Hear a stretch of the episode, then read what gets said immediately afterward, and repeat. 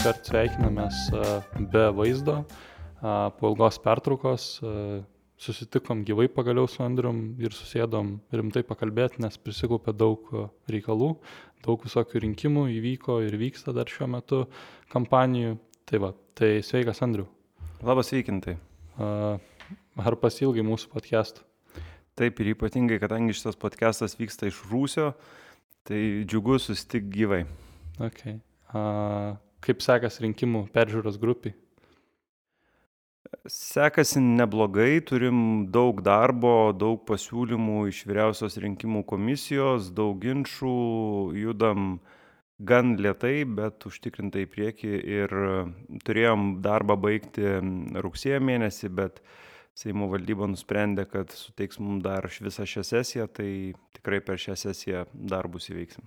Okay tai šaunu, lauksim rezultatų. Uh, tvarkoj, šiandien mes, kaip jau minėjau, turim nemažai turinio, kaip kad praeitų metų pradžioj, berots šių metų, sakant, pradžioj darėm laidą, kur apžvelgiam šešis ar penkis rinkimus. Tai darysim labai panašiai, nes pasaulyje ir Europoje ypatingai vyksta jų visur įdomių. Kai, kuriuo, kai kuriais atvejais net ir padarysim tam tikrus atnaujinimus įžvalgų, nes praeitą kartą kalbėjom tiek apie Vokietiją, tiek apie Čekiją, kas tenais vyksta, tai tikrai yra įvairių pokyčių, įvairių perturbacijų nuo to laiko įvykę ir galėsim viską aptarti. Tai šiandien mes turim Rusiją, Čekiją, Bulgariją, Kanadą ir Vokietiją. Kodėl taip išreitingavau, tai mano interpretacija, kad pagal demokratijos lygį. O kaip tau, Andriu, atrodo? Nu, aš labai abejočiau, ar Bulgarija yra aukščiau Čekijos, vis tiek Čekija na, nuo seno garsėjo savo demokratiniam tradicijom, tai aš manau, kad Bulgarija turėtų būti už Rusijos, kad ir kaip gaila, gaila būtų. Šiaip vienų rinkimų dar neįtraukiam, tai rinkimai Norvegijoje, aš manau, kad galbūt galėsim aptarti ne tiek, kas vyksta, bet po, po pačių rinkimų aptarti, kaip visas vaizdas atrodo, nes ten galbūt ne pati kampanija yra įdomi, bet kaip po to bus formuojama koalicija, nes tai bus ten pakankamai sudėtinga. Tai tą pasiliekam tolin. Iš, visų, iš viso šito sąrašo Bulgarijoje kol kas rinkimų nevyksta, bet nėra abejonės, kad jie vyks artimiausių metų, tiesiog kadangi nėra paskelbta. Tai vad matysim. Mhm. Tai pradėsim nuo Rusijos. Dar šiais metais turėjom pokalbį su Mindaugu Lapinsku, kur supažindino su su tuo, kaip ten nevyksta rinkimai realiai. Tai labai įdomu, kaip su tom žiniom dabar jau galima aptarti situaciją dabartinę. Navalnas daug įvairių veiksmų darė per šitą laikotarpį, aišku, dabar jo situacija jau visai liūdna ir nepavydėtina. Tai, Andriu, gal nušviesi truputėlį, kas ten dedas.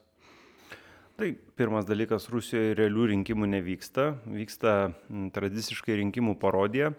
Bet toj rinkimų parodijoje yra keletas įdomių a, momentų. Vienas momentas, na, iš tikrųjų, šitie rinkimai arba ten mažas aktyvumas, arba netgi kai kurių kandidatų ir ypatingai vieningosios Rusijos rezultatas šiek tiek gali indikuoti, kokios yra tikresnės na, visuomenės nuotaikos. Kadangi pastaruoju metu nepriklausomos apklausos netgi rodė tokių yra daroma, Rusijoje šiaip daroma daug apklausų, tai nepriklausomos apklausos rodė labai stiprų komunistų augimą ir labai stiprų vieningosios Rusijos važiavimą e, žemyn. Kitas dalykas, kadangi jie mm, vėl jau anksčiau buvo panaikinę, dabar vėl sugrįžo jau kurį laiką prie vienmandačių apygardų, Tai ta kova nu, yra tokia intensyvesnė ir gyvesnė, yra nepriklausomų visokių kandidatų, pusiau nepriklausomų kandidatų, priklausomų kandidatų, kurie yra pasislėpę po nepriklausomais ir daug ten tokių visokių juodųjų technologijų. Vat vienas įdomus atvejis buvo, e, yra e, Sankt Peterburgė kur, kuris tradiciškai toks yra pakankamai liberalus miestas ir kur e, ta tradicinė liberalų jabloko partija atrodo visada neblogai ir vienas iš jų ly lyderių kandidatuoja apygardoje, kur teoriškai yra tikimybė, kad jis galėtų laimėti.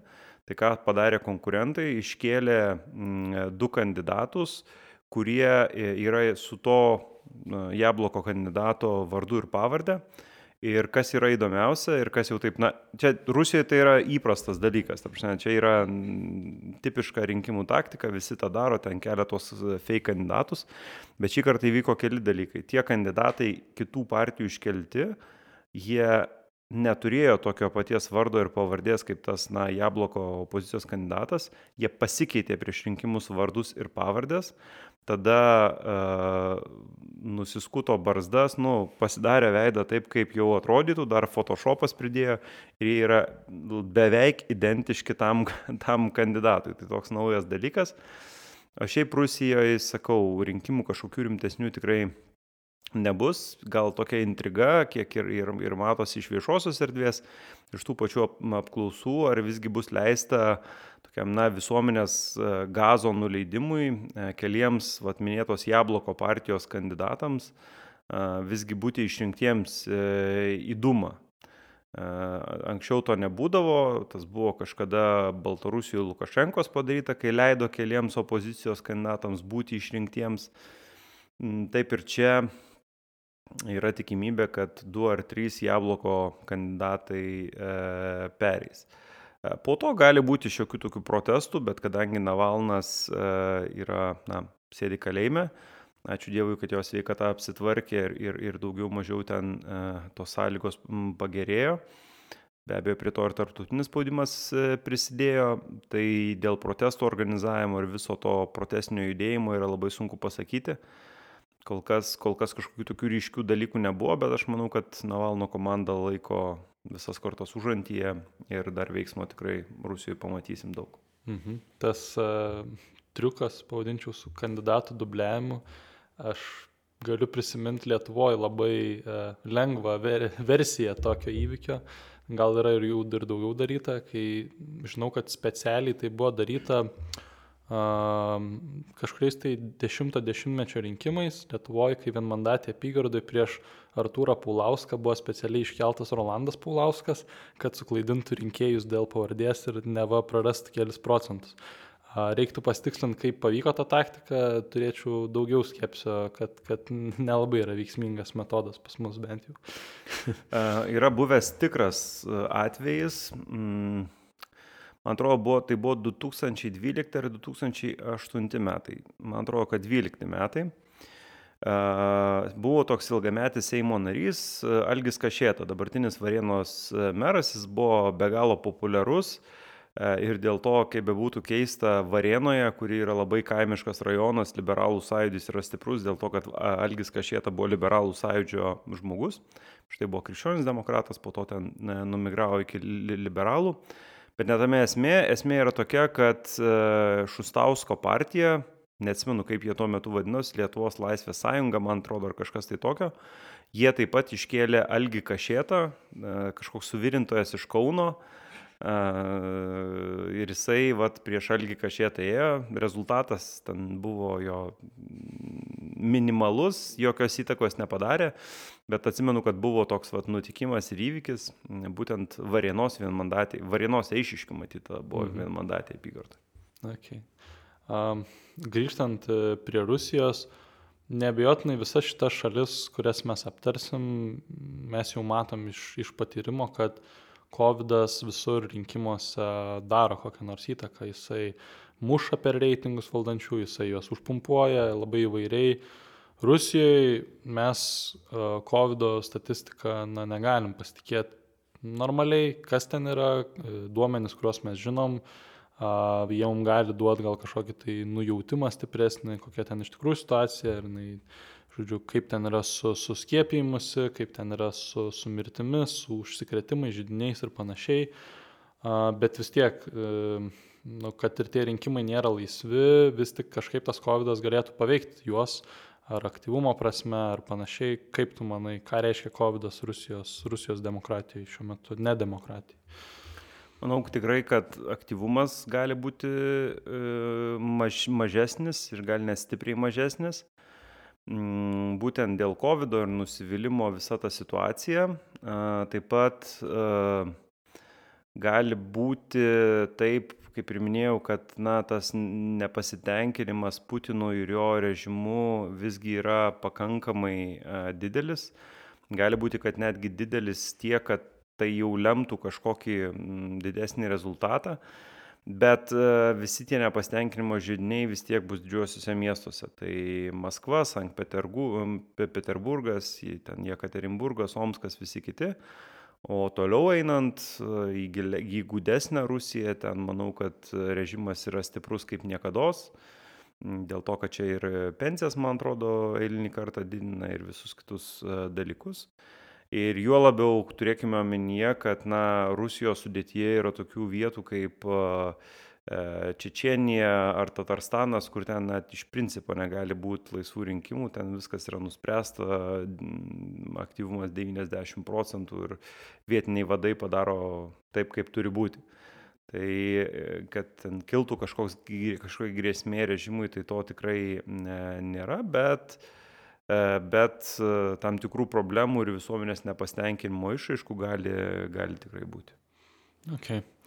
Gerai, tai situacija, man atrodo, aiškiausia iš visų šalių galimų aptart. Galim eiti tolyn ir aš esu pasiruošęs apie, apie Čekiją truputį papasakot. Tai trumpas priminimas, ką jau ir kalbėjom anksčiau, apskritai, kas ten yra per, per situaciją ir kaip iki jos yra ateita. Tai 2017 metais ten vyko rinkimai į, į parlamentą mm, ir na, juos laimėjo dabartinis premjeras uh, Andrei Babišas uh, su partija nepatenkintų piliečių koalicija, kurie savo, kad jie yra nei kairieji, nei dešinieji, žodžiu, be ideologijos. Uh, aišku, tradiciškai kandidatavo ant tokių dalykų kaip korupcijos, žodžiu, naikinimas, politikų neliečiamybės naikinimas, kova prieš bedarbystę ir panašiai.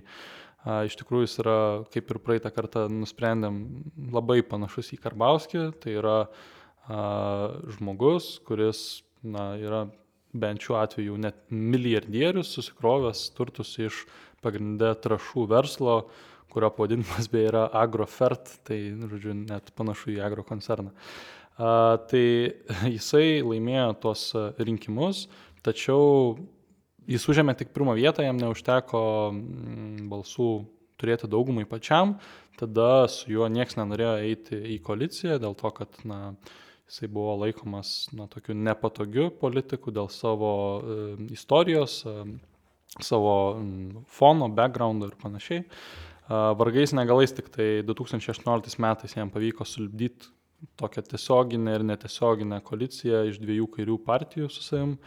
Ir ant tokio vat, e, daikto realiai ta koalicija kabo iki šios e, dienos, kur nėra pilnos daugumos, bet reikiamais balsavimais tarsi sukrapšto balsus, nors tiesą sakant, vyko vienas balsavimas dėl nepasitikėjimo juo ir jisai jį pralaimėjo, tiesiog nes opozicijos balsų na, buvo daugiau tam balsavime.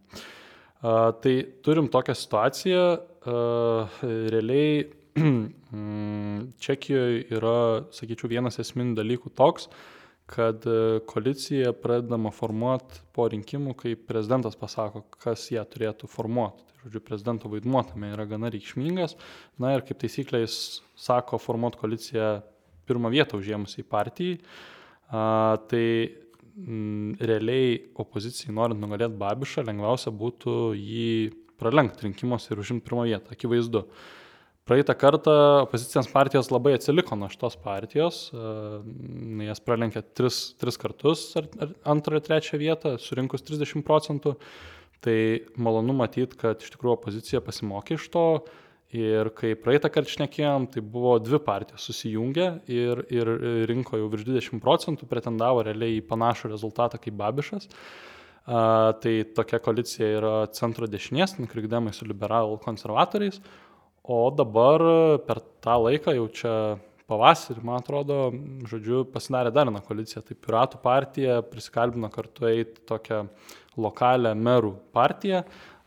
Ir nors ta partija buvo gana nedidelė, realiai tokia laviruojanti gal ant 5 procentų ribos, Bet e, tas jų susikabinimas į vieną, į vieną žodžiu, žaidėją, jis jiem irgi davė didelį būstą ir jie dabar irgi mm, laviruojant 20 procentų ribos, netgi vieną, vienu momentu buvo iššovę į pirmą, į pirmą vietą. Čia turbūt gal buvo net pirmą kartą Europos istorijoje, kad Piratų partija reitingas pirmą vietą kažkur užima.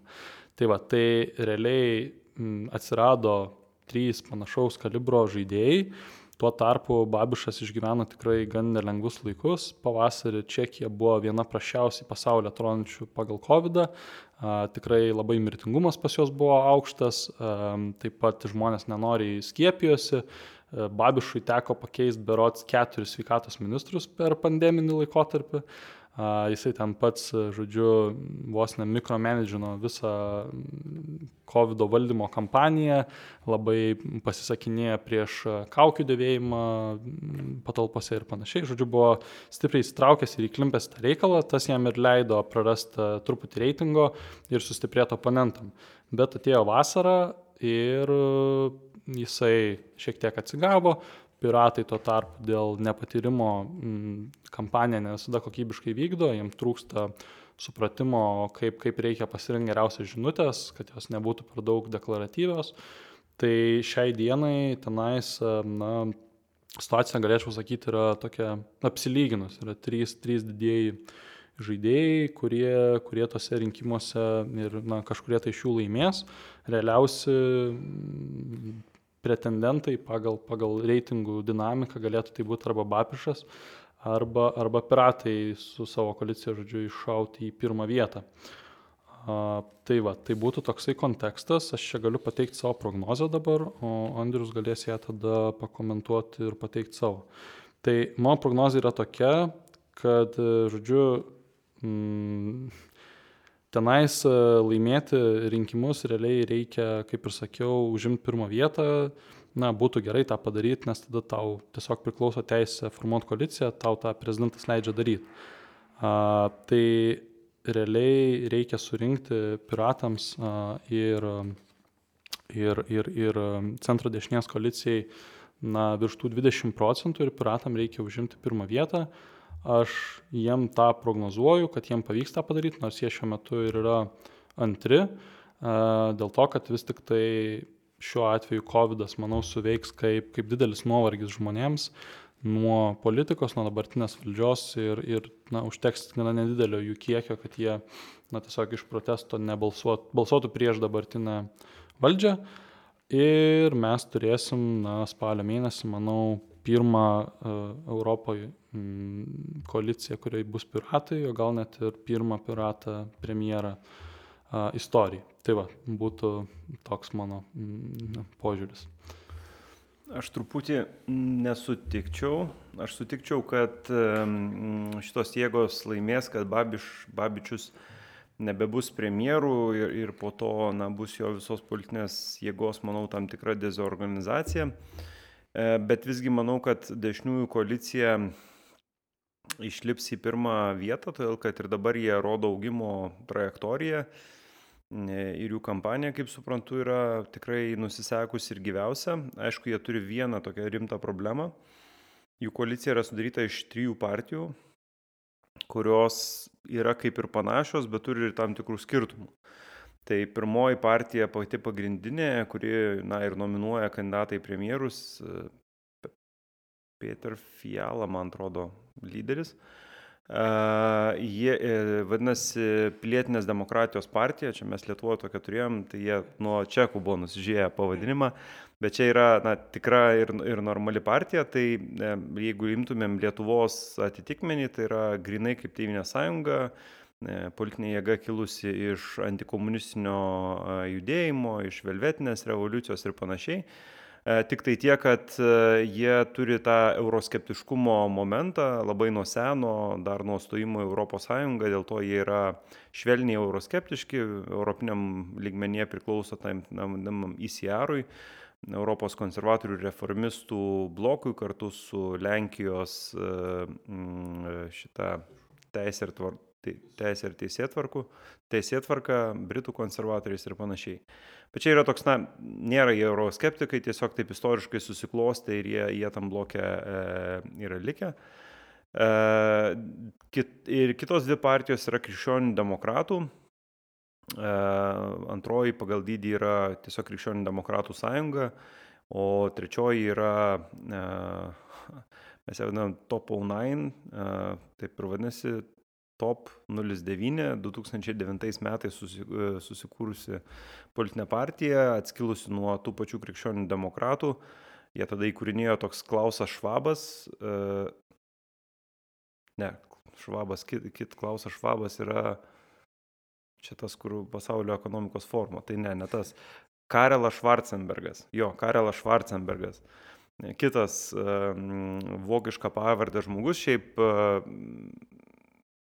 labai kilmingas aristokratas, sovietiniais laikais daręs politinę karjerą Austrijoje, tada grįžęs į savo gimtąją Čekiją ir buvęs užsienio reikalų ministrų, labai rimtai pretendavo būti prezidentu ir daug kitų pareigų. Labai įdomus, labai įdomus žmogus, labai nestandartinis čia šiaip nukrypsiu, kažkada, kai jis dar vedė tą partiją į priekį, jie buvo ten ganėtinai aukštai viena pagrindinių politinių jėgų, aplenkę net e, pilietinės demokratijos partiją.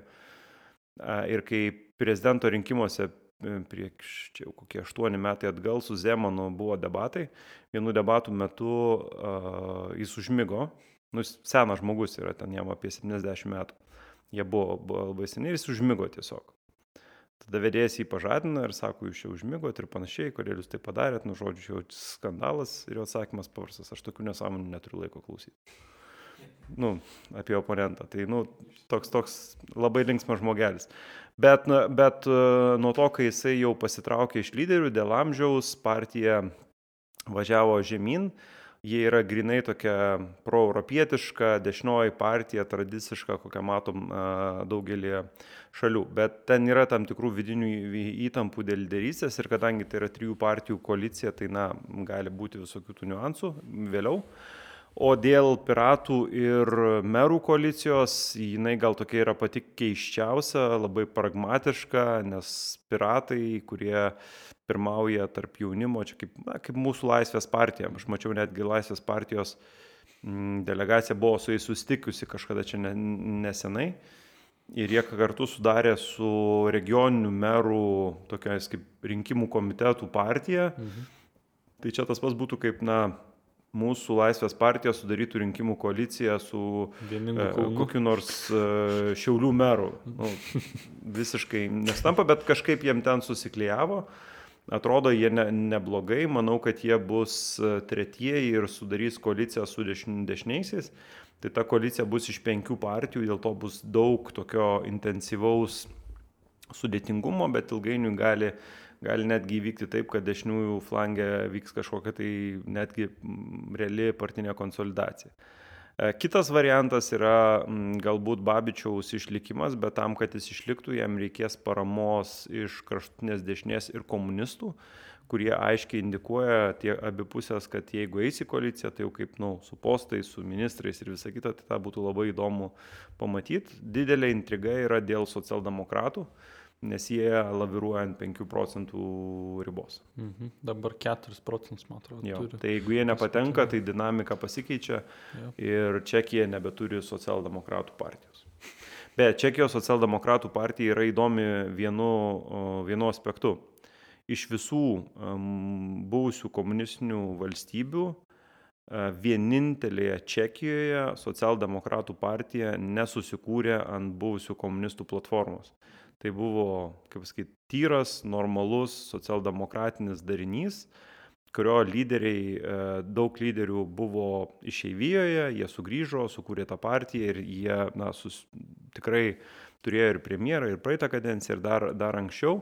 Bet labai įdomu, kad e, net ir dėl to, kad, kad, kad partija nebuvo pro, pro komunistinė, neturėjo to komunistinio šleifo, ilgainiui ji vis tiek susikūrė savo tą tokią prorusišką liniją.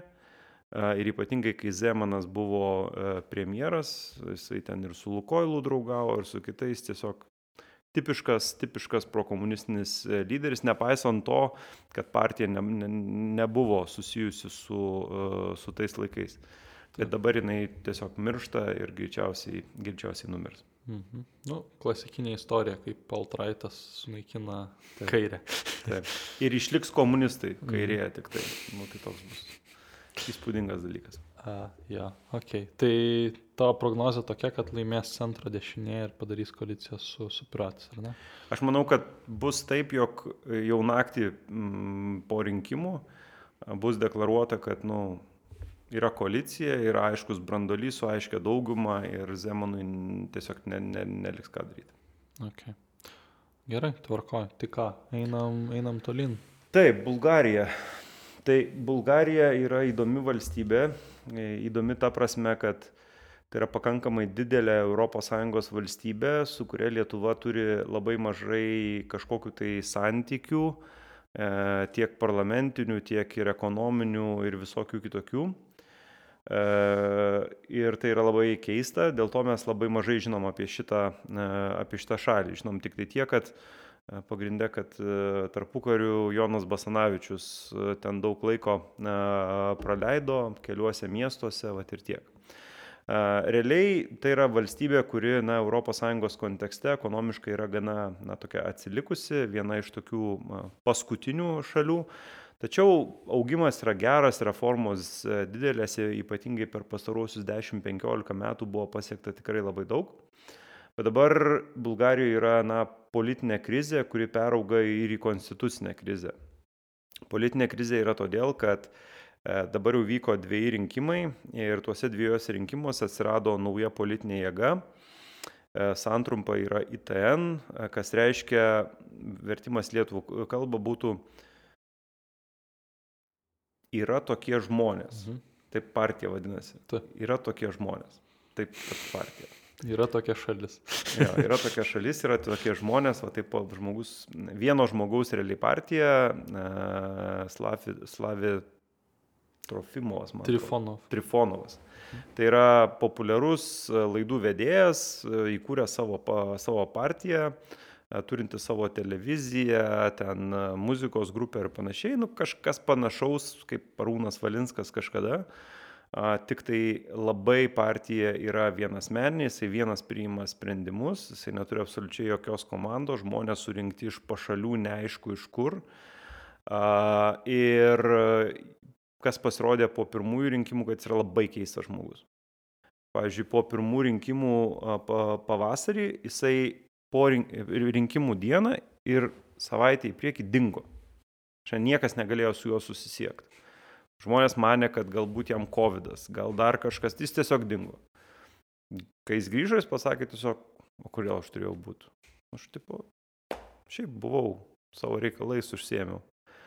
A, tada e, jiem buvo patikėta ten form, iš pradžių, m, ten pir, pirmieji buvo dešinioji partija, GERB vadinasi, E, jo vertimas būtų Bulgarija už europietišką integraciją, e, ilgamečio premjero Boiko Borisovo. e, partija, jie kaip ir tada laimėjo pirmą vietą, jiems suformuoti koalicijos nepavyko, tada buvo šitai partijai, populistų liepta suformuoti, jie ten kažką darė, neaišku kaip ir niekas nenorėjo su jais eiti, tada socialistai, tada turkų mažumos partija ir kitos mažesnės partijos ir niekam nepavyko.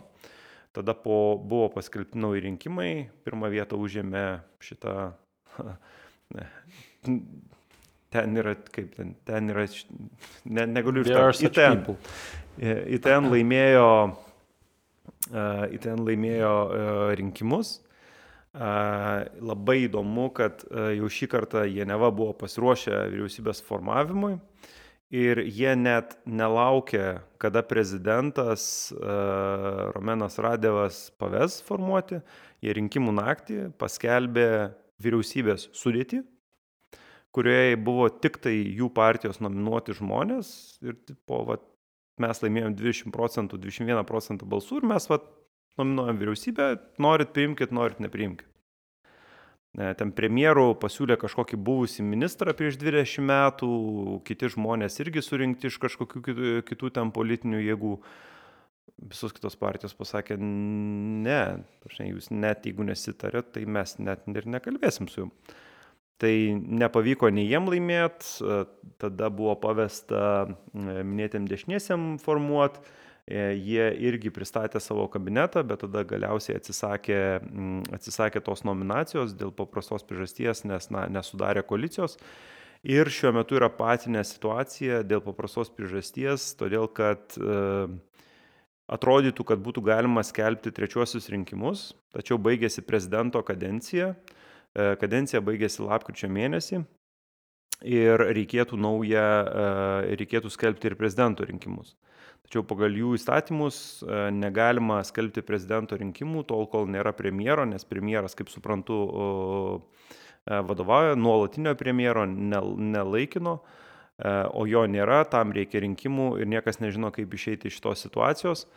Greičiausiai, ką ir sako specialistai, tai bus rastas toks sutarimas, kad e, lapkričio pradžioj vyks ir parlamento, ir prezidento rinkimai, kas iš esmės pakeis dinamiką, nes prezidentas yra socialistų partijos deleguotas ir labai artimas tai partijai. Socialistai tai nu, tipiški, kaip Lietuvoje būtų socialdemokratai, buvę, kom, buvę komunistai. Ir jis yra be galo populiarus, greičiausiai laimės netgi pirmam ture, tai klausimas, ar jis socialistus pakels į viršų. Bet net jeigu ir tai būtų tokia baigtis, koalicijos suformuoti gali nepavykti ir tuo metu. Dėl paprastos priežasties. Dešinieji su socialistais yra susipykę tiek, kad negali net kalbėtis, net teoriškai populistai yra pasakę, kad jie nesikalbės su nei viena politinė jėga, kuri buvo iki jų ateimo į parlamentą parlamente, nesikalbės nei su viena būsė, tai nei su dešiniaisiais, nei su socialistais e, e, nesikalbės, nei su turkų mažumos e, partija, nors su turkų mažumos partija, kuri yra be galo korumpuota, kaip bebūtų keista, jinai yra labiausiai korumpuota partija šalyje, daugiausia oligarchų ir, ir ten tų skandalų. Uh, su, su jais jau buvo pradėję populistai kalbėtis, bet tada ten viskas subirėjo. Tada yra dvi kitos smulkesnės partijos. Viena yra dem, demokratinės jėgos ar kažkaip tai taip, bet, bet nepavadinime esmė, esmė, kad yra tokia E, tipiška anti, e, antikorupcinė politinė jėga, turinti ganėtinai daug ir tokių gerų policy pasiūlymų. Ir trečia, ir dar yra viena irgi smulki partija, atskilusi nuo, socia, nuo socialistų, vėlgi kovojanti ten prieš korupciją, e, susibūrusi ten dėlių antikorupcinių protestų metu. Tai šitos dvi jėgos aiškiai sako, kad jos nesikalbės nei su dešiniaisiais, nei su socialistais, nei su a, turkų mažumos partija, nes visos yra korumpuotos o kartu su populistais, su ITN, suformuoti jiem nepakanka balsų, reikia bent vienos iš senųjų partijų. Ir dėl to yra patinė situacija, niekas negali nieko, nieko suformuoti. E, reikia pradėti kalbėtis. Tai galbūt po trečių rinkimų tos kalbos atsiras žymiai daugiau, bet iki kol kas tai yra tikrai labai sudėtinga situacija. Mhm. O tai jeigu teisingai suprantu, tau atrodo, kad būtent socialistai įgaus pagreitį ir sugebės laimėti tuos trečius rinkimus. Kodėl taip manai? Aš nežinau, ar jie laimės, bet aš manau, kad jie turėtų pasigerinti savo rezultatą.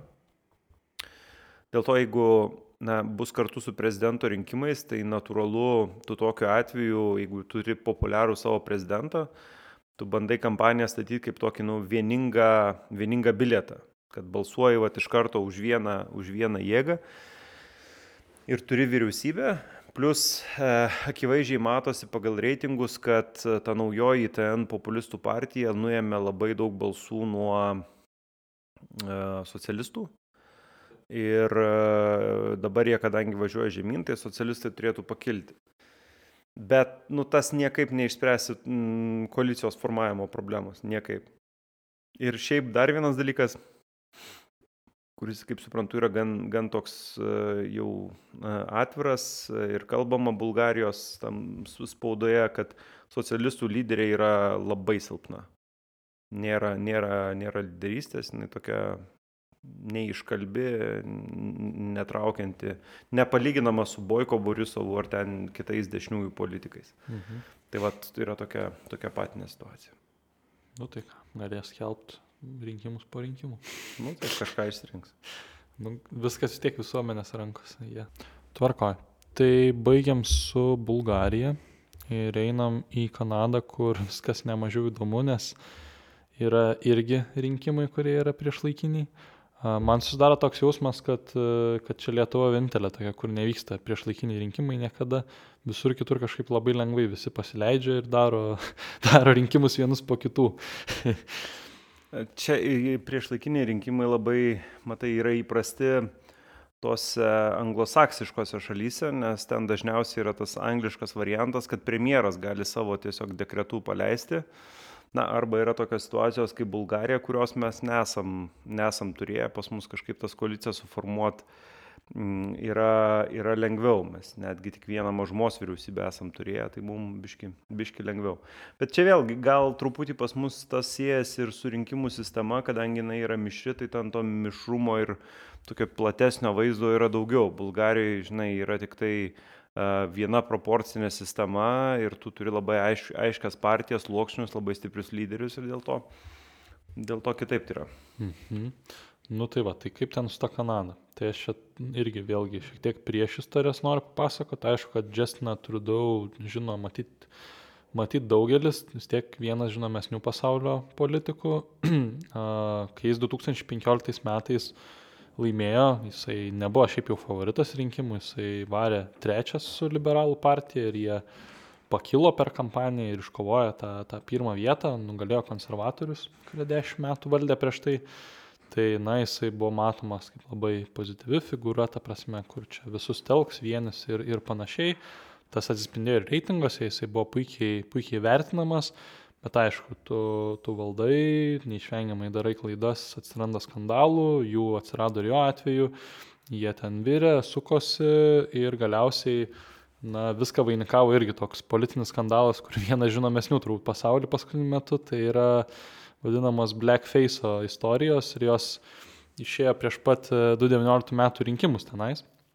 Tai jos uh, tą reitingą kalė dar labiau jo ir jis turėjo 60 procentų, žodžiu, ne, ne, kaip čia neigiamą savo tą ratio, kas yra, yra daug tikrai.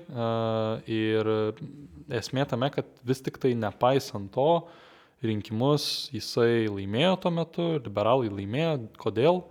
Nes Kanadoje, kad tu laimėtum rinkimus, tau nereikia na, surinkti 50 procentų.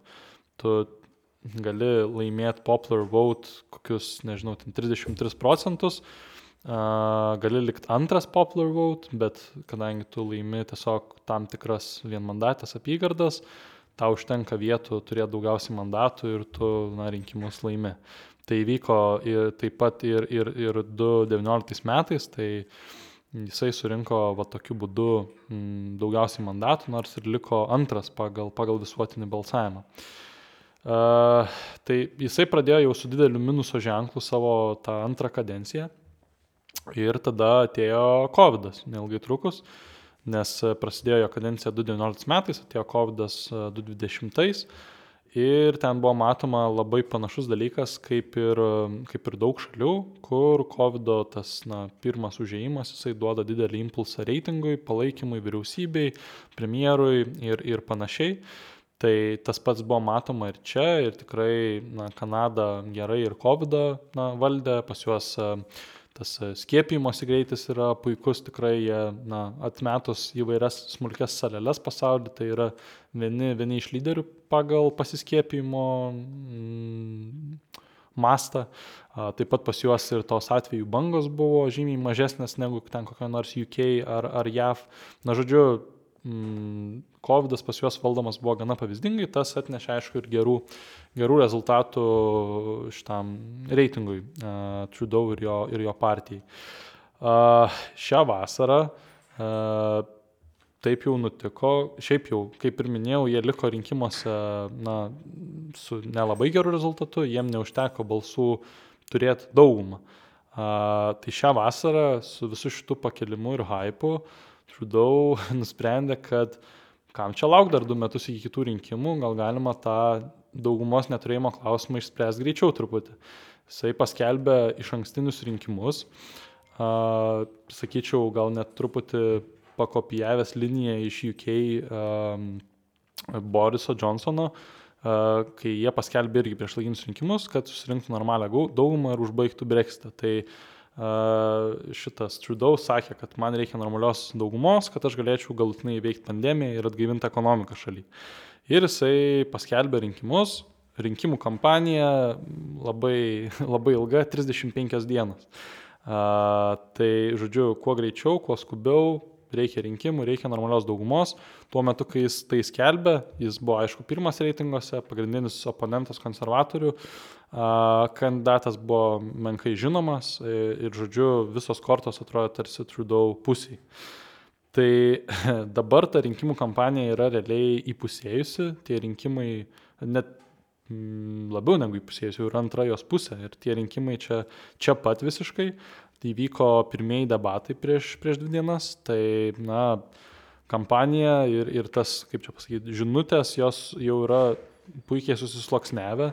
Tai Trudeau jisai bando vengti tų klausimų, kad neva iš čia labai pragmatiškai pažiūrėjo, aiškina viską per tai, kad reikia įveikti galutinai pandemiją ir, ir, ir atgaivinti šalį ekonomiškai. Uh, Taip pat bando, aišku, labai žaisti gerais pandemijos e, skaičiais, bando konservatorius, e, kaip čia, sufreiminti kaip na, tokius regresyvius, kurie, aišku, yra ten prieš skiepus, tarsi antivakseriai, kad jie, aišku, yra regresyvūs kitose darbo tvarkėse politinėse. Konservatoriai, jie labai bando iškelti tą, tą nereikalingumo, e, rinkimų nereikalingumo argumentą. Visuomenės apklausos šiaip jau patvirtina tą, visuomenės 60 procentų, kiek, kiek teko skaityti, e, nepritarė, kad rinkimų dabar reikėjo. Tai konservatoriai bando, bando iš tos pusės eiti. Taip pat Kanadai dar svarbus e, dėmuo yra tas, kad vasara, čia gal tau bus įdomu, pas juos buvo dėl, na, bent jau taip sakoma, dėl klimato pokyčių, dėl globalinio atšilimo, daug sausros, gaisrų, karščio bangų, tas aplinkosaugos temą užkėlė pas juos labai smarkiai ir oponentai taip pat šitą čiūdau prikišinėja, kad šešis metus būdamas valdžioje nepakankamai padarė dėl, dėl klimato pokyčių, nes tai buvo vienas iš jo na, pagrindinių arkliukų rinkimuose. Tai va, tai apie tai yra rinkimų kampanijos ir, ir debatai, laiko labai mažai ir, ir viskas šitoj pasibaigs. Mano prognozė ir vertinimas yra toks mm, Trudeau, kai šitą manevrą atliko, atrodo, kad jam čia viskas pasiseks ir čia turi eiti kaip sviestų patepta. Šiandienai, manau, jis labai džiaugsis, jeigu jam pavyks tiesiog tos situacijos nepabloginti, kokia jinai buvo. Kodėl? Todėl, kad na, reitinguose atrodo labai apylygiai dabar šitie varžovai. Ir, na, aišku, pas juos tie reitingai nacionaliniai nieko labai nereiškia, svarbiausia būtent tos vienmandatės apygardos ir jose rezultatai. Tai dabartiniam prognozėm pagal tų skirtingų apygardų e, apklausas, na tai projektuoja, kad e, tų vietų parlamente liberalai su Trudeau galėtų susirinkti daugiau, bet tas gali būti skirtumas labai mažas nuo konservatorių. Jeigu dabar ten jie skiriasi keliasdešimt vietų, dabar tas skirtumas gali būti ir penki ar dešimt mandatų. Tai, žodžiu, mano vertinimas būtų ir prognozija toks, kad nu, vis tik tai liberalai vietomis, vietų skaičiumi laimės, bet uh, dienos pabaigoje šitas ėjimas jiem atneš daugiau nuostolių negu, negu, negu, negu naudos, nes jie tiesiog dar labiau susilpnins savo pozicijas. Tai va, tai aš taip matyčiau Kanados reikalus. Tai tu prognozuoji, kad Rudo laimės? Vietų skaičiumi taip, popular vote, manau, vėl pralaimės. Šiaip kiek aš skaičiau, pagrindinė, pagrindinė kova taip geografiškai vyksta didmiešių priemiešiuose. Tai yra Toronto, Otavos, Monrealio e, priemiešiai, kurie visada yra tas, na, swing vote, sviruojantis į kairę ir į dešinę. Abiem pagrindiniam politiniam jėgom yra problema konkurencija. E, tai liberalam e, didelė problema yra naujieji demokratai su jų jau, na, ne naujų lyderių, bet, bet prieš tai buvus, buvęs jau praeituos rinkimuose naujas, dabar jau šiek tiek e, susitvirtinęs Jagmin Singh, labai įdomus politikas, jis yra Sikhas, kas nežinot, paguglinkit, tai yra įdomi religinė grupė iš Indijos žmonių, kurie visada vaikšto su turbanu, nešiojasi ritualinį peilį, dėvi tam tam tikrus apatinius ir kitus dalykus. Bet šiaip yra ganėtinai populiarus, vienas populiariausių šalies politikų. Kampanijos pradžioje lik ir buvo jų partija pradėjusi kilti, kilti viršų, dabar kaip ir stabilizavosi ir, ir nekyla, yra ties 15-16 procentų, bet jie yra ta jėga, kuri gali, na, iš liberalų atnešinė, atiminėti balsus.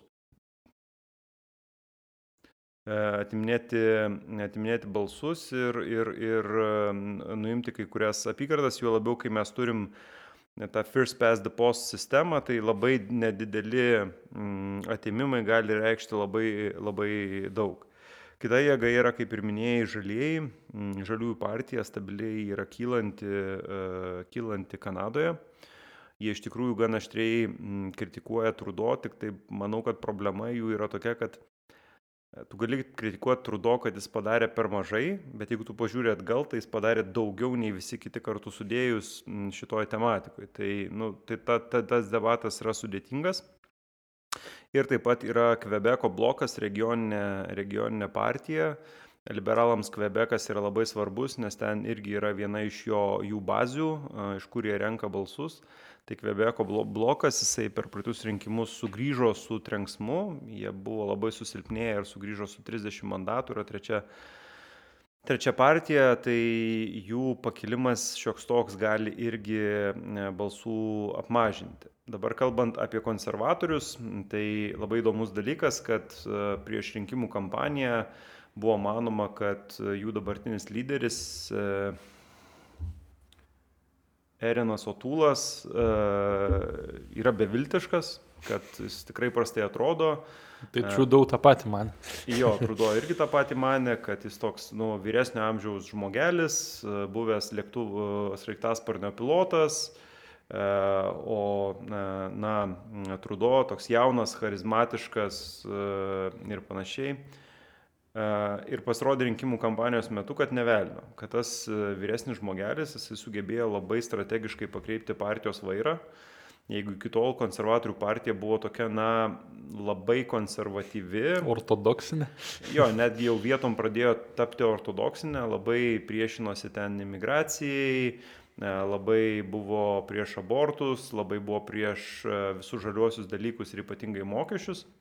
Tai naujas lyderis, nors ir vyresnis žmogus, tačiau eina į žalę pusę, kalba apie mokesčius, nu, apie mažesnius, bet apie tai, kad to reikia, yra už abortus, e, yra už imigracijos politiką tokia, kokia yra, e, bando švelniai e, apeliuoti į antivakserius, kalba, kad nereikia griežtų priemonių, bet taip tikrai... Pasirinkimo laisvė. Pasirinkimo laisvė, bet tikrai švelniai tai nėra Trumpas, nė, nė, nėra, jis pas nėra antivakseris, ten skatina vakcinuotis ir panašiai, bet nebando su ta pusė susipykti, nes jie turi problemą.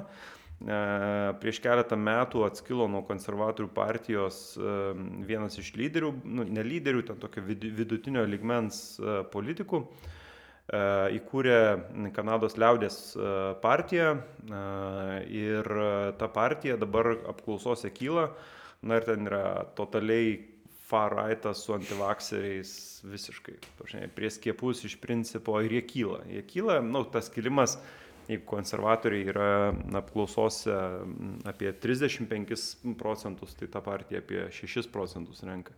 Ir aišku, jie renka ne tik iš konservatorių, iš visų, bet, na, tiesiog yra tam tikra baime, kad gali tiek kitų kelių procentų ir, ir pritrūkti.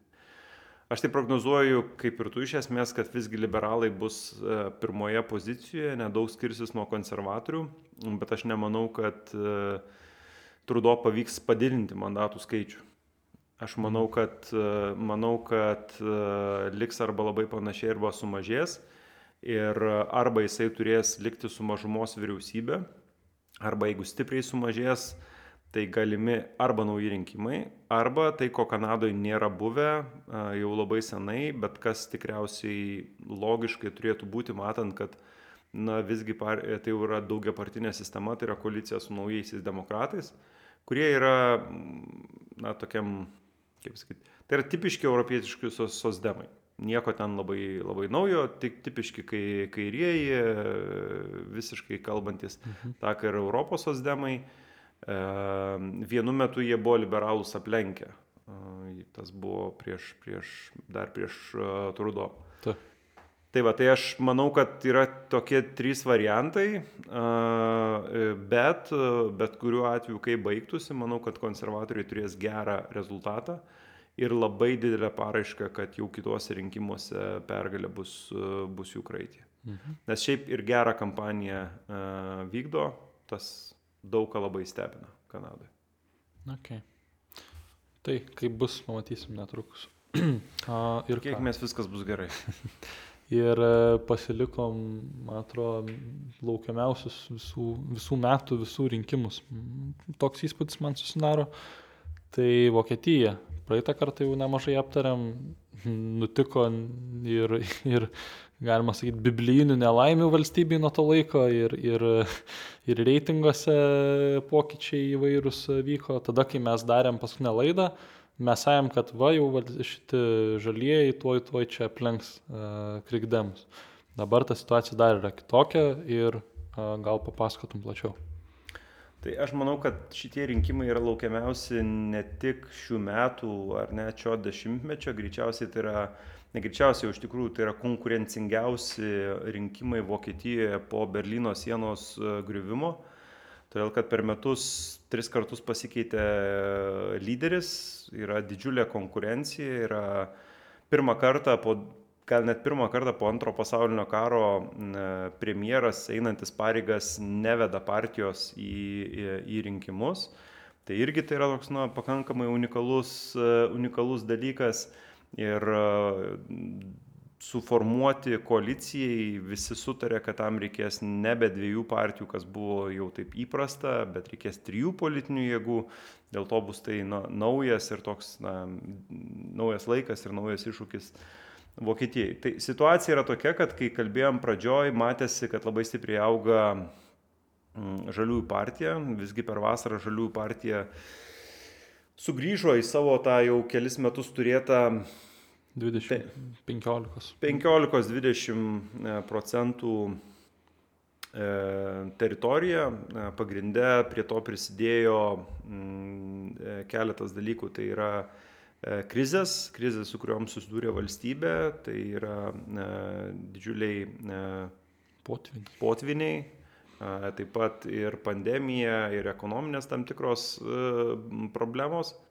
E, ir skilę skandalai dėl mm, žaliųjų lyderės Anelinos ba Baerbok. Baerbok. Uh, Baerbok, turbūt. Baerbok, jo. Uh, lyderės, taip sakant, vieno iš baigiamųjų darbų plagijavimo dėl jos kai, kurio, kai kurių pasirodymų debatuose, išplaukusių žinučių ir kitų dalykų. Na, žodžiu, prasta kampanija ir lyderė nežybanti, jos kolega, ko lyderis atrodo žymiai geriau, bet, na, partija yra nusprendusi, kad jinai veda į rinkimus ir jie tokį sprendimo uh, nekeis. E, panašu, kad žalieji jau susitaikė su ta situacija, kad jie nelaimės rinkimų, dėl to jie tiesiog bando stabilizuoti ir tas pavyko situaciją ir supranta, kad jie bus kingmakeris koalicijos dėlionėse, nes jokia koalicija be jų iš esmės praktiškai nebeįmanoma. Tai jie su to susitaikė ir, ir, ir, ir, ir eina į priekį. Bet visgi didžiausia intriga, kuri vyksta, tai yra vyksta dėl pirmosios pozicijos E, pavasarį, na, buvo gan, kai jau pradėjo žalieji kristi, buvo gan aišku, kad krikščionys demokratai turėtų vesti į priekį, nes jie taip pat turėjo viduje didžiulės ten e, kovas dėl lyderio posto. Kaip žinome, e, dešiniųjų stovyklą sudaro dviejų partijų koalicija. Tai krikščionių demokratų ir krikščionių socialinės sąjungos. Krikščionių socialinė sąjunga yra uh, E, Bavarijoje esanti Bavarijos žemėje smulki, smulki smulkesnė politinė jėga, jinai valdo Bavariją nuo pat e, karo laikų, ten yra didžiausia politinė jėga, bet na, jinai tik tai toj teritorijoje yra, yra veikianti. Ir pavasarį buvo kova tarp CDU lyderio Armino Lašeto, pirmininko, ir CSU lyderio Markuso Soberio, kas ves į rinkimus, kas bus lyderis šitos bendros koalicijos. Ta intriga buvo todėl, kad Lašetas nuo pat pradžių ganėtinai prastai atrodė apklausose, buvo ganėtinai nepopuliarus, o Soberis buvo antras populiariausias šalies politikas po Merkel, netgi buvo tam tikrų etapų metų pradžioje ir praeitais metais, kai jis netgi lenkė Merkel. Ir tai yra susijęs su pandemija, su tuo, kad jisai tikrai Bavarija gerai susitvarkė ir šiaip jis yra toks, na, charizmatiškas, įdomus žmogus, lyginant su Lašetu, kuris, na, yra toks tipiškas vokietis, nuobodus, vyresnio amžiaus, lėtas, technokratas ir panašiai. Bet galiausiai apsisprendė jie, kad Lašetas ves į rinkimus. Ir čia prasidėjo visos problemos jisai pasirodė, kad yra labai nepopuliarus. Prasme, pagal premjerinį reitingą jis yra gal ketvirtas pagal populiarumą, čia priklausomai kaip žiūrėsim, net liberalų lyderis kai kuriuose reitinguose yra populiaresnis, žaliųjų lyderė ir socialdemokratų lyderis Olafas, e, Olafas Šolcas. Olafas Šolcas yra populiariausias e, šalies politikas po, šiuo metu po Merkel, e, populiariausias kandidatas į, premje, į premjerus. Tai viena problema, su kuria susidūrė krikščionys demokratai, kita problema išiškėjo, kai šalį supurtė e, didžiulis, didžiulis lietaus kiekis ir potviniai ir kaip tik tie potviniai įvyko pagrind, vyko pagrindė toje valstijoje, kur Arminas Lašetas yra lyderis, kuris jis yra Šiaurės Reino Vestfalijos, man atrodo, lyderis. Taip, Šiaurės Reino Vestfalijos. Man šiandien kažkas su atmintim. Jis yra Šiaurės e, Reino Vesfalijos e, prezidentas ir būtent ta, ta, ta žemė buvo viena iš pagrindinių, kuri buvo paveikta e, šitų potvinių. Iš pradžių viskas kaip atrodė kaip ir neblogai, kad jis išnaudoja tą situaciją, sustinka su žmonėm, bando spręst. Kaip tik atrodė, kad žaliųjų kandidatė, kuri tuo metu vat, buvo pats tas skandal, skandalų virtinė apie jos, apie jos e, baigiamuosius darbus ir jinai nusprendė važiuoti į tą žemę, susitikti su žmonėm, bet be spaudos, be nuotraukų. Ir toks buvo keistas sprendimas, jinai nuvažiavo, kažką ten pakalbėjo, niekas nenušvietė, visi mane, kad jinai net važiavo, kad nekreipė dėmesio, nu tokia keista situacija. Tai atrodė, kad lašėtui viskas bus gerai. Bet tada buvo įvykis, kai atvažiavo, man rodos, Vokietijos prezi prezidentas irgi ten aplankyti žmonių, pasižiūrėti situacijos. Ir jisai davė, darė spaudos konferenciją, o ten fone toliau stovėjo Lašetas su keletu kitų politikų ir jie buvo užfiksuoti tiesiog juokia, besijuokiantis, kas skaniai iš kažko, tai e, prezidentas kalba, sako tokia emocinga kalba, jie tiesiog, na, žvengia iš prezidento ar iš kažkokios situacijos. Iš karto tai tapo didžiuliu viralu tiek politiniu, tiek, tiek spaudoj. Po kelių dienų Lašetas atsisakė, bet jo reitingas kalė žemyn ir partijos apie 5 procentus vien dėl šitos e, situacijos. Kodėl? Todėl, kad na, buvo įvertinta, kad jis netrodo rimtas politikas ir netrodo rimtai užjaučiantis. E, juo labiau, kad e, po viso šito sustikimo taip sutapo, kad atvažiavo Merkel, kuri atvažiavo, pas, buvo daugybė nuotraukų, kaip jinai verkia kartu su žmonėm, apsikabina bobutes, nuvažiavo į kitą žemę, kartu susikibusi rankom su sosdemų ten vietinė lyderė su žmonėm kalbas. Nu, toks tikrai emocingas, šiltas vaizdas, kuris parodė visiškai kitokį įvaizdį, kitokį politinį veikimą nei krikdemų lyderio ir tai tapo didžiulę problemą jam. E, iš pradžių jie važiavo žemyn, buvo tikimasi, kad situacija stabilizuotis, nes kaip ir nekilo kitos politinės jėgos, bet tada prasidėjo aktyvi rinkimų kampanija, mėnesis rūpiučio viduryje. E, ir staigai viršų šovė Olafas Šolcas, finansų ministras, socialdemokratų partijos lyderis. Ir tą lemia daugiau, daugiausia labai gera rinkimų kampanija. Vokietijos rinkimų kampanijos šiaip būna ganėtinai nuobodžios. Daug kažkokių inovacijų jie nedaro, kai padaro, tai būna tikrai stiprus dalykai, bet dažniausiai tai būna tvarkinga, hygieniška kampanija. Tai vad, kai ir, ir mes daro mokinam, mokymus kandidatams, tai vokiečiai yra pateikiami kaip na, tas toks pavyzdys, kaip reikia padaryti normalią, gerą kampaniją. Jeigu norit normalios geros kampanijos, žiūrėkite į vokiečius, jeigu norit kažko tai įdomaus, žiūrėkite į britus ar amerikiečius ar panašiai. Tai šį kartą Sosdemai padarė labai įdomią kampaniją. Įdomi kampanija todėl, kad visa pastatyta ant vieno žmogaus, ant Olofo Šolco. Tas yra keista, todėl kad prieš dešimtmetį panašiai darė e, krikščionys demokratai, Merkel ir tada labai stipriai laimėjo. Tada Sosdemai labai kritikavo šito dalyko, o dabar padarė tą patys. Visa kampanijos pagrindinė žinutė, kad Šolcas yra tas žmogus, kuris atliks reikiamą darbą, kuris įveiks krizės, kad jis padarys tai, ką reikia ir kad jis yra stabilumo garantas. Kad jis yra panašus į Merkel savo veikla, finansų ministras, e, savo požiūriais, savo pažiūrom, žodžiu, antra Merkel, gal šiek tiek pripažįsta, kad jau netokia stipri kaip Merkel, bet va tam vaizde jis yra stipriausias.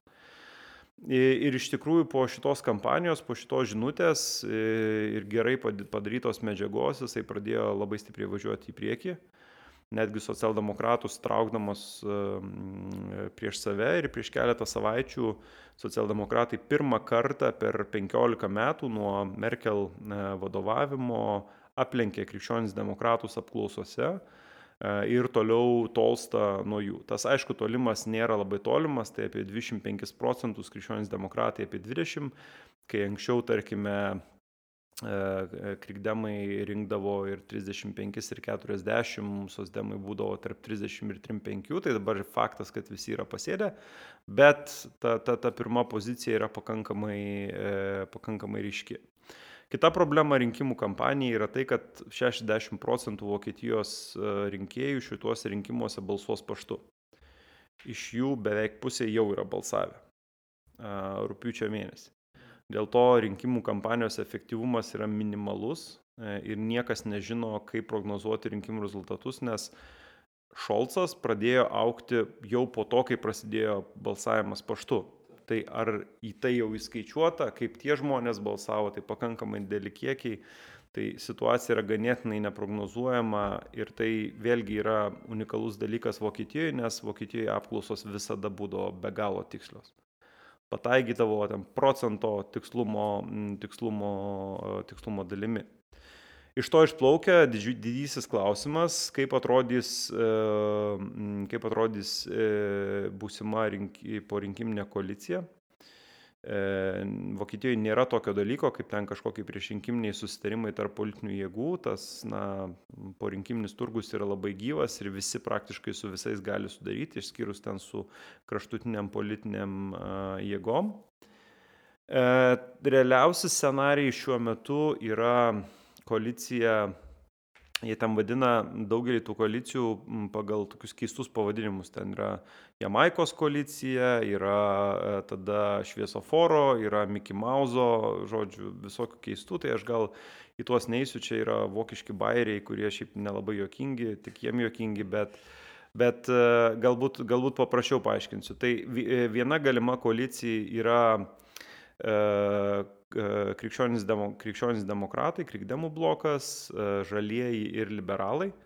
Jis atrodė iki šiol realiausias e, variantas e, dėl to, kad krikščionis demokratai labai daug irgi aplinkosauginių dalykų perėmė, pradėjo flirtuoti su, su žaliaisiais, o liberalai pasakė, mes būsim valdžioj. Nesvarbu, kokia bus vyriausybė, mes būsim valdžioj. Taškas. Tai nes praeitą kartą jie ilgai dėrėjosi, labai taip laužėsi ir liko be nieko, tai dabar jų pagrindinis tikslas būti valdžioje. Ir jie eis tiek į vieną, tiek į, į kitą pusę. Kitas galimas variantas yra uh, socialdemokratai, žalieji ir liberalai. Šita koalicija galbūt keltų daug įtampų būtent liberalams, kadangi na, su socialdemokratais yra tam tikrų trinčių dėl mokesčių, dėl ekonominės politikos. Yra ir su žaliaisiais liberalam, bet ten jau šiek tiek galbūt mažiau ir įmanoma kažką tai, e, kažką tai niveliuoti. Trečia įmanoma koalicija yra socialdemokratai, žalieji ir kairiųjų partija, tai yra buvę rytų Vokietijos komunistai. Su šita koalicijos dėlionė galbūt įdomiausia tas rinkimų kampanijos momentas, nes socialdemokratų lyderis Olafas Šolcas atsisako paneigti galimybę, kad jisai su komunistais eitų į koaliciją jis pasako, kad mes neisim, nu, kaip, kad mes neketinam to daryti, bet nepasakom, kad neisim. Jis netmeta tos galimybės, kad net baidytų dalies savo kairiųjų rinkėjų, kadangi jie irgi jų turi daug uh, nuo tokio sprendimo. E, konservatoriai bando, krikščionis demokratai bando iš to daryti kažkokį kampanijos elementą, net Merkel vienose pasisakymė parlamente, paskutiniam tą minėjo, bet e, didelės naudos iš to nepanašu, kad yra žmonės to nelabai bijo. Nors šiaip tokia koalicija būtų pati baisiausia ir Europai, ir, ir, ir nu, galbūt baisiau dar būtų FD, bet, bet tai būtų pakankamai baisu, nes komunistai yra prieš NATO, prieš ES absoliučiai prorusiški. Klausimas prorusiškume varžosi su, su AFD, kurie labiau Putinui įlys į kišenę tai tos jėgos dalyvavimas būtų sudėtingas. Na ir aišku, jau paskutinis variantas, jeigu niekas nesusiformuoja, tai visada yra įmanomas krikščionių demokratų ir socialdemokratų e, variantas. Problema šitoj vietoj, kad nei viena partija nebenori būti kartu, visgi jau ne viena kadencija, rinkėjams tas nepatinka ir tai yra tokia koalicija iš reikalo Bet galbūt bėda yra, e, yra tame, kad šį kartą, jeigu tokia koalicija dėliotųsi, tai yra nebejojama, kad pirmoji vieta ir premjeras turėtų priklausyti socialdemokratam, o krikdemai būtų antroji jėga, kas na, po 15 metų Merkel vėlgi yra ne, nepatogi situacija, dėl to šitas variantas yra labiausiai, labiausiai atmetamas. Yra sutariama, kad uh, iš tikrųjų uh, koalicijos formavimas užtruks apie pusę metų greičiausiai. Kas reiškia, kad Merkel bus ilgiausiai premjero postą buvusi premjerė, nes jinai laikinai eis, jai reikia sulaukti gruodžio mėnesio, tai jau nebejojama, kad jinai sulauks to gruodžio mėnesio ir bus sumuš e, e, rekordą.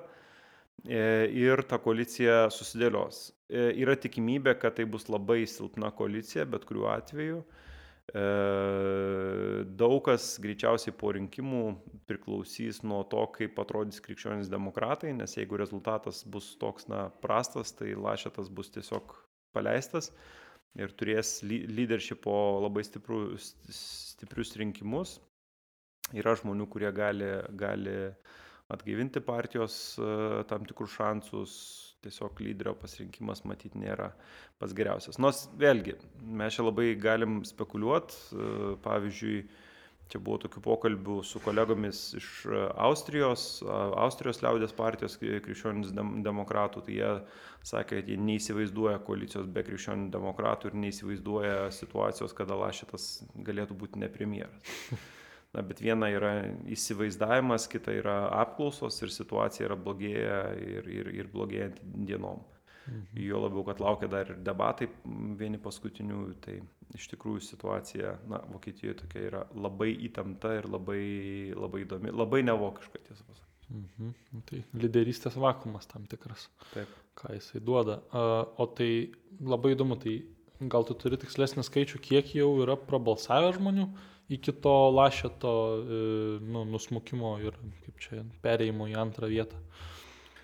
E, netur, neturiu aš tikslių, tikslių duomenų, bet turiu vienintelį skaičių, tai kad 60 procentų žmonių yra užsiregistravę balsuoti paštu ir kad na, biuleteniai jau buvo pradėti siūsti, siūsti rūpiučio mėnesį. Tai sunkus ten su, su paštu sužiūrėti, kiek jų, kiek jų atkeliaus. Uh, dėl to sunku tą prognozuoti e, ir, ir, ir juo, juo labiau, kad Lašeto kritimas buvo greitesnis procesas nei Šulco, Šolco pakilimas. Tai labai sunku tą, sunku tą prognozuoti. Dar vienas dalykas, ką Vokietija turi, jų ta rinkimų sistema yra tokia mm, labai unikali. Jie turi du balsalapius, vienmandatės apygardas ir daugiamandatę. Daugiamandatė, daugiamandatė ten paskui kompensuoja dar dalį vienmandačių, bet yra tam tikras strateginio balsavimo elementas, kai, pavyzdžiui, mažosios partijos strategiškai e, prašo didžiųjų partijų rinkėjų pirmą balsą atiduoti, tarkim, e, nu, liberalai dažnai tą daro. Pirmas balsas už krikdemus, tai yra vienmandatį balsuoja už krikdemą, o cvaitaštime antras balsas keliauja už e, koalicijos partnerius. Ir rinkėjas realiai tą gali padaryti, gali išsplitinti savo balsą ir dėl to nenukenčia ir tas ir tas gauna. Tai yra fiksuojama pagal apklausas, kad šitos rinkimuose to yra žymiai daugiau, kad, kad e, netgi vyksta toks veiksmas, kai dalis socialdemokratų dabar rinkėjų balsuoja už liberalus tam, kad galėtų būti koalicija ir išmesti krikdemus. Dalis, dalis komunistų specialiai dar duoda balsų socialdemokratam, kad irgi būtų galima sudaryti koalicijas. Tai va tas, ta dėlionė irgi yra tokia pakankamai sudėtinga, dėl to, pavyzdžiui, labai realu, kad mažosios partijos pasirodys geriau nei yra prognozuojama, kas tą visą dėlionę sujaukti gali dar labiau.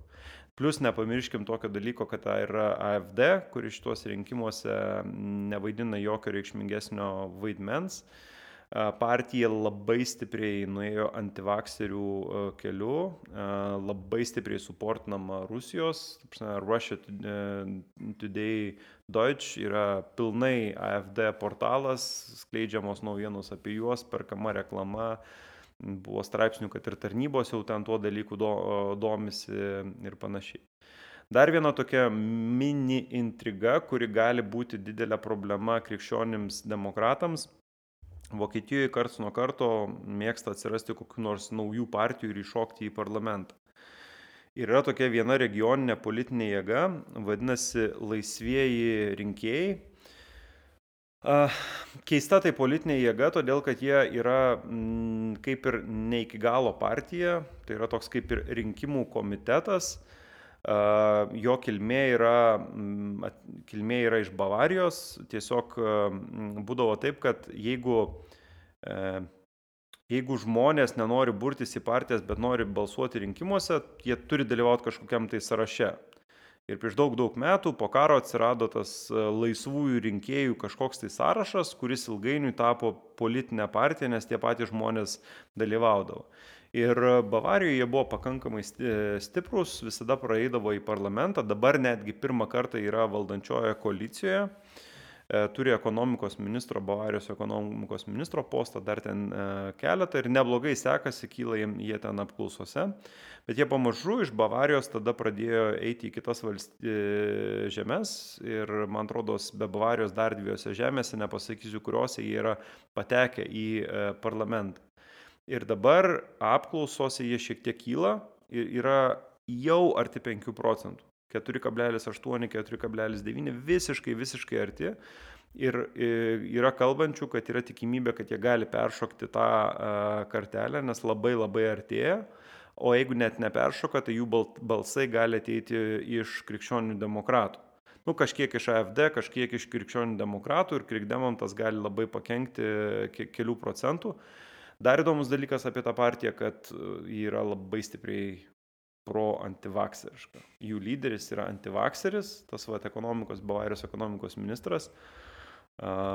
Netgi čia buvo vienam straipsnį rašyta, klausė žurnalistai Bavarijos to prezidento Markuso Soberio, CSU lyderio, kaip jis, na, pakomentuotų jūsų ekonomikos ministras yra antivakseris, kalba kažkokias nesąmonės, sako, aš žinokit, su juo kalbėjau, Nu tikrai prastai. Nežinau, kodėl jis taip elgesi. Nu, mane labai stebina. Bet net klausimo ten atleisti ar netleisti nebuvo, bet tiesiog jie tą, tą liniją paėmė, kaip yra FD. Tai jie yra toks va, mažasis juodasis arkliukas, kuris gali, jeigu netyčia įkristų į parlamentą, tai sujaukia visas dėlionės. Ten tada prasideda situacija tokia, kad vos ne keturių partijų reikia ir, ir, ir, ir bus labai sudėtinga. Mhm. Nu, tvarko. Tai aišku, kad niekas neaišku dar neiškiau negu, negu praeitą kartą. Nu, manau, kad aiškiausia yra Rusijoje. Mhm. Ai, tai va, pagal ką mes darėm, pagal aiškumą. Jo, aiškiausia Rusijoje, tada Čekijoje, nu iš tikrųjų, taip, taip, taip ir yra. Vokietijoje mažiausiai aišku, Rusijoje aiškiausia, Čekijoje irgi taip daugiau mažiau, manau, kad staigmenų dėlių nebus, Bulgarijoje aišku, kad bus dar vieni rinkimai. Kanadoje aišku, kad niekas ne, nebeaišku ir kad, ai, beje, dar dėl Kanados. Viena įdomi istorija. Kodėl Trudo padarė šituos rinkimus. Šiaip, taip politiškai žiūrint, jam labai didelį įtaką daro jo tėvo irgi buvusio ilgamečio, ilgiausiai, man atrodo, buvusio premjerų Piero Trudo man atrodo, Pieras. Jeigu maišau vardą, tai nepykit, aš jam maišau vardus, bet irgi pavardė Trudo, nes, na, tėvas. E, tai e, tėvo visa politinė linija ir tai, ką jis darė. Ir labai dažnai pastebima, kad Justinas Trudo labai kartoja tėvo darytus veiksmus. Ir tėvas taip pat turėjo vieną pirmųjų mažumos vyriausybių Kanadoje. Buvo irgi, na, jis buvo premjeru, buvo rinkimai, ten pralaimėjo, susimažino mandatų skaičių, buvo blogai, blogai, ką daryti po dviejų metų, labai po panašaus laiko, jo tėvas trigerino uh, naujus rinkimus ir juos stipriai laimėjo. Ir yra taip manoma, kad sunus kartoja tėvo, bandė okay. pakartoti tėvo ėjimą, parodyti, kad aš irgi toks pat kietas, nes po to, man atrodo, po, po šitos dar dešimt metų uh, senasis trudo valdė. Mhm. Tai pabandė pakartoti ir nelabai panašu, kad pavyko. Nors net meskim, Kanados rinkimų sistema yra tokia keista, kad, kad, kad gali būti taip, kad e, mes čia esame visiškai neteisūs, o Trudo yra nu, nugalės su didžiulė, didžiulė persvara, nors, pavyzdžiui, net nelaimės e, balsų daugumo. Mhm. Okay. Gerai, tai pamatysim jau netrukus. Dėl visų, tiesą sakant, pamatysim jau netrukus. Per rugsėjo spalio mėnesį viskas išspręs, išskyrus Bulgariją. Irgi šis tas išsispręs, matyti. Tvarkoj. Tai ačiū Andriu už pokalbį. Ačiū Vykintai tau. Tai gerų darbų. Gal susitikim, kada netrukus. Ačiū žiūrovus. Ne, ne žiūrovai, čia jau dabar klausytojai. Ačiū visiems. Tikimės, kad nebuvo nuobodu. Sėkmės.